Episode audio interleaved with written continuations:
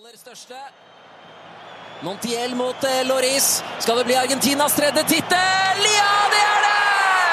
Argentina har vunnet! De har klart det! De var på vei! De var så innmari på vei etter første omgang. VM i fotball for herrer er over. Og med det flere måneder med dette. Kritikken mot det internasjonale fotballforbundet Fifa vokser. But the country has been criticized for its human rights record. I dag ga Tysklands eh, fotballstjerner tydelig beskjed om at Jeg har ikke tenkt å se et eneste sekund av det mesterskapet. Her hjemme har det virket som at hele VM har handlet om kritikkverdige forhold. Men andre steder i verden har det stort sett vært en gedigen fotballfest.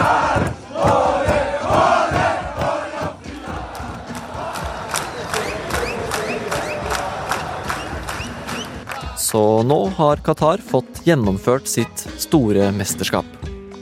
Argentina vant VM på banen, men hvem var det som egentlig vant VM? Dører forklart fra Aftenposten, og jeg heter David Bekoni. I dag er det mandag 19. desember. Det har vært et veldig rart mesterskap på mange måter. På én side har det jo vært en fotballfest for store deler av verden, samtidig som eh, det har ligget et veldig trist og alvorlig bakteppe der hele veien. Og denne dragkampen og disse kontrastene er jo noe jeg har merket under hele mesterskapet. Daniel Rød Johansen, du er eh, kommentator her i Aftenposten, og som kommentator da, så både mener og skriver du jo mye om Qatar-VM. Først, hvilke positive ting er det som har kommet ut av dette mesterskapet? Noe jeg har tenkt mer og mer på utover i mesterskapet, er at verden ikke er svart-hvitt. Og jeg tror vi skal anerkjenne hvor samlende dette VM har vært for den muslimske verden, arabiske verden og Midtøsten. Det betyr mye for disse at de for første gang får arrangere et fotball-VM. Da Qatar ble tildelt VM, så var ikke menneskerettigheter engang et tema i tildelingskriteriene. Det har blitt endret som en følge av disse diskusjonene. Og nå ser vi også den norske fotballpresidenten Lise Klavenes eh, kjempe en kamp for fotballens fremtid, der menneskerettigheter skal stå i sentrum. En annen ting du kanskje husker fra mesterskapet, var hvordan enkelte lag reagerte da Fifa la ned forbud mot regnbuebåndene. De som noen lagkapteiner skulle bruke som reaksjon på Qatars homofililover. Å nekte armbåndet er det samme som å nekte oss en stemme, meldte forbundet på sin Twitter-konto. Det var jo flere lag som ønsket å markere med et kapteinspinn i regnbuefarger. Det fikk de ikke lov til, men da valgte Tyskland å komme med sin egen protest, der de holdt seg over munnen da lagbildet skulle tas før den første kampen deres. Og det var jo et stikk mot uh, Det internasjonale fotballforbundet, fordi de tyske spillerne følte seg kneblet. Og Tyskland er jo en av de største fotballnasjonene, selv om det ikke gikk så bra med dem i VM. Så det betyr jo noe når uh, det er dem protesten kommer fra. Og her uh, hjemme så har det jo virka som at VM har vært et stort utstillingsvindu for kritikkverdige forhold, ikke kanskje i like stor grad for hvor flott Qatar er.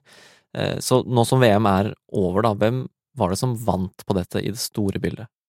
Det kommer jo helt an på hvem målgruppen er.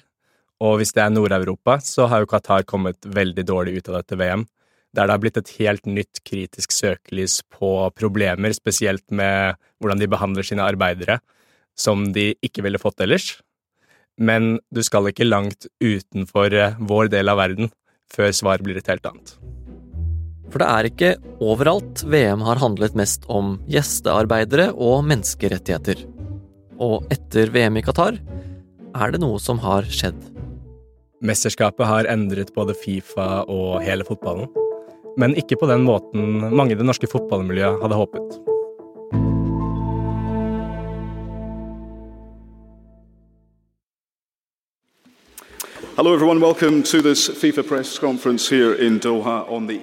Det var dagen før VM skulle starte, og jeg var på plass i Doha. Eh, satt i en sal som så ut som en stor eh, Så ut som det skulle være en stor teaterforestilling der, og det var jo akkurat det som skjedde, egentlig.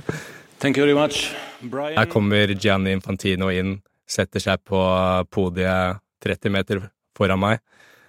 Han uh, stirrer litt ut i salen og ser, uh, ser litt uh, betenkt ut. Um, of course, welcome to all of you. It's a pleasure. Og så kommer en av de villeste talene jeg noensinne har hørt. Der det er en 57 minutters monolog der han egentlig bare går til angrep på alle kritikerne av VM. Today I feel Arab. Today I feel uh, gay. Today I feel disabled. I det øyeblikket skjønner man at uh, kløften i fotballverdenen er dypere enn noen gang før. Now, I forgot. I feel like a woman. You referred a few times. I have four daughters. You're right. I'm sorry. I feel like a woman. For sett fra andre deler av verden enn vår egen, så er absolutt ikke dette mesterskapet noen fiasko. Noe av det jeg også merket da jeg var i Qatar, eh, var jo hvor mye dette VM betyr for eh, den arabiske verden. Eh, men ikke bare den arabiske verden, også søramerikanske fans. Eh, argentinere var jo der og lagde en helt ellevill god fotballstemning. Så diskusjonen her i Norge virket ganske fjern på mange av disse supportergrupperingene. I tillegg så man jo hvor mye det betydde at Marokko kom helt til semifinalen. Og det man eh, så der, var jo at eh, den muslimske verden, arabiske verden, Midtøsten-regionen samlet seg bak laget i en slags symbolsk kamp mot de vestlige koloniherrene. Og den motreaksjonen som vi har sett under VM, kan få noe å si for eh, hele fotballens fremtid. For i Fifa velges presidenten, og dermed retningen, av 211 land med hver sin stemme. Og snart skal de 211 landene velge hvem som skal være Fifa-sjef de neste fire årene. Dagens sjef, den ofte kritiserte Gianni Infantino, stiller til gjenvalg. Og det er her den litt spesielle talen hans kommer inn i bildet. I think for what we Europeans have been doing in the last 3000 years around the world, we should be apologizing for the next 3000 years before starting to give moral lessons. Talen til Infantino er ganske illustrerende for hvordan fotballverdenen er satt opp, og den dype splittelsen som er. Man kan jo tenke at dette er en gal manns tale, eh, men sannsynligvis er det veldig kalkulert. Og det han har funnet ut av, er at uh, fra visse vestlige land får jeg ikke støtte uansett. Men han har nok støtte fra store deler av verden, og da er det bedre å styrke posisjonen der enn å prøve å nærme seg Vesten.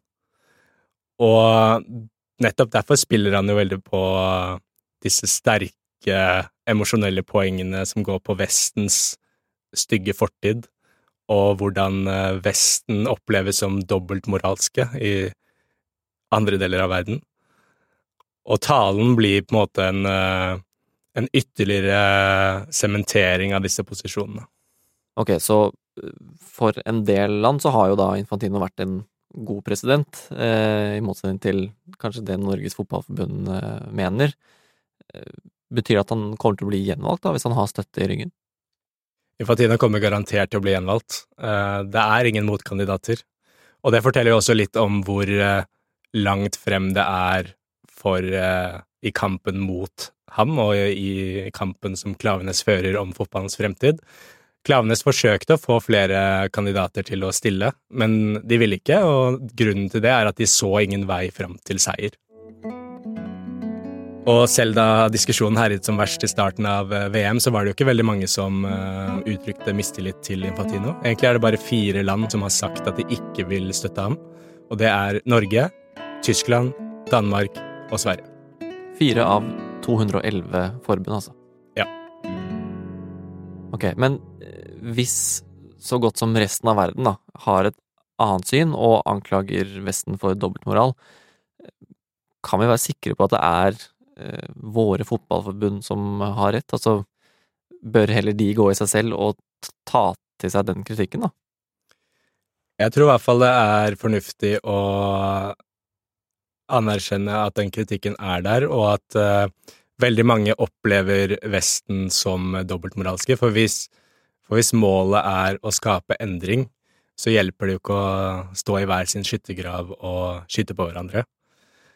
Og noe man kanskje ikke har tatt nok på alvor eh, tidligere i VM-diskusjonen, er hva hvordan denne VM-kritikken kan bli oppfattet. Og jeg mener det er viktig å si at noen ting med dette mesterskapet og noen ting med Fifas styre er uakseptable, samtidig som noe av kritikken sikkert også har handlet om fordommer. Og det er når kritikken har eh, gått vekk fra de sentrale punktene og begynt å handle om alt mulig. Handle om hva da, for eksempel? For eksempel eh, så ble det jo laget reportasjer eh, i Qatar om hvordan supportersonen var. Det ble tatt man, man besøkte supportersonen på dagtid da det ikke var folk der, og lagde en kritisk reportasje på det. Det er jo også flere som har um, i forkant uh, kanskje brukt litt sånn demoniserende begreper og unyanserte uh, fremstillinger av Qatar som land. Og det bidrar egentlig bare til å gjøre frontene steilere, da. Ok, så Fifa-president Infantino og VM-arrangørene har et poeng, da? De har et poeng, men noe av kritikken ligger der og er helt på sin plass. Spesielt når det gjelder hvordan VM-tildelingen skjedde, både med Russland og Qatar. Det var jo et korrupt, eller i hvert fall delvis korrupt styre som ga disse mesterskapene. Og hvordan arbeiderne som Qatar var helt avhengig av for å kunne arrangere dette VM, ble behandlet. I tillegg så er nok også dette en ganske bevisst PR-strategi. De lykkes på en måte med å vinkle kritikken mot et kongedømme og Fifa til å være et angrep på hele den arabiske verden. Og det punktet jeg alltid kommer tilbake til da, i denne debatten, er at fotballen har noen egne verdier som lederne er valgt inn på, og som de er forpliktet til å følge. Og disse verdiene handler nå blant annet om eh, menneskerettigheter, det handler om inkludering og demokrati, og når man først har vedtatt disse verdiene, så må man også følge dem. Og tildelingen av VM i Qatar og alle menneskerettighetsbruddene som har skjedd i forbindelse med mesterskapet, er et brudd med alt dette. Så selv om Fifa og Gianni Infantino, ifølge Daniel, ikke har fulgt sine egne verdier, så tyder alt på at han blir gjenvalgt som leder. Og når Infantino vinner, så har han allerede vist at han planlegger å ta Fifa i en retning som ikke akkurat vil sette i gang jubelen blant kritikerne her i Nord-Europa.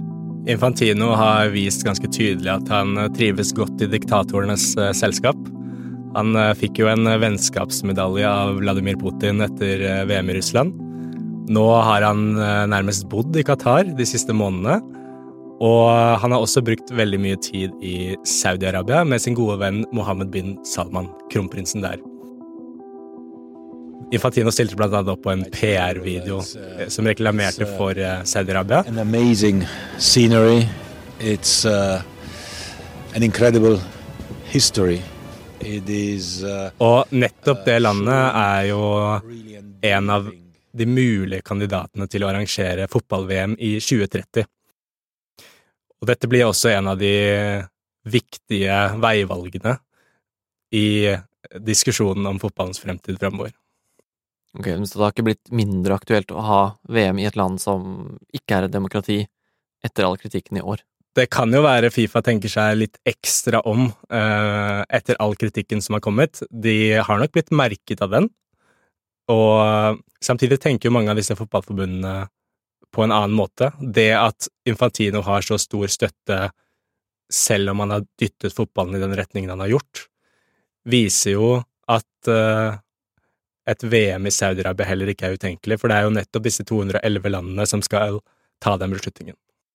Så til syvende og sist, da, nå som VM er over og alt på en måte er eh, sagt og gjort, så har Qatar kanskje ikke kommet så dårlig ut av VM likevel? Nei, og det handler ikke bare om det som skjer på banen, men eh, også avtalene som er blitt gjort på bakrommet. Og bare underveis i mesterskapet så har eh, Tyskland inngått en 15-årig gassavtale med Qatar. Den amerikanske utenriksministeren var på besøk i Doha snakket litt om menneskerettigheter, men mest om et eh, fruktbart samarbeid.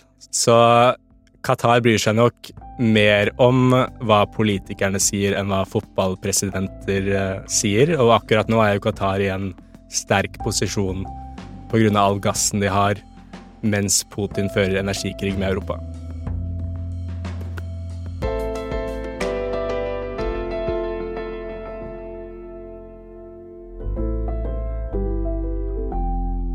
Du har hørt en podkast fra Aftenposten. Det var kommentator Daniel Rød Johansen som fortalte hvem som egentlig vant VM. Du har hørt lyd fra NRK, Fifa, BBC, det saudiarabiske sportsdepartementet og nyhetsbyrået AP. Denne episoden er laget av produsent Synne Søhol og meg, David Vekoni, og resten av Forklart er Jenny Førland, Anne Lindholm, Fride Nesten Nonstad, Marit Eriksdatter Gjelland og Anders Weberg. Takk for at du hørte på.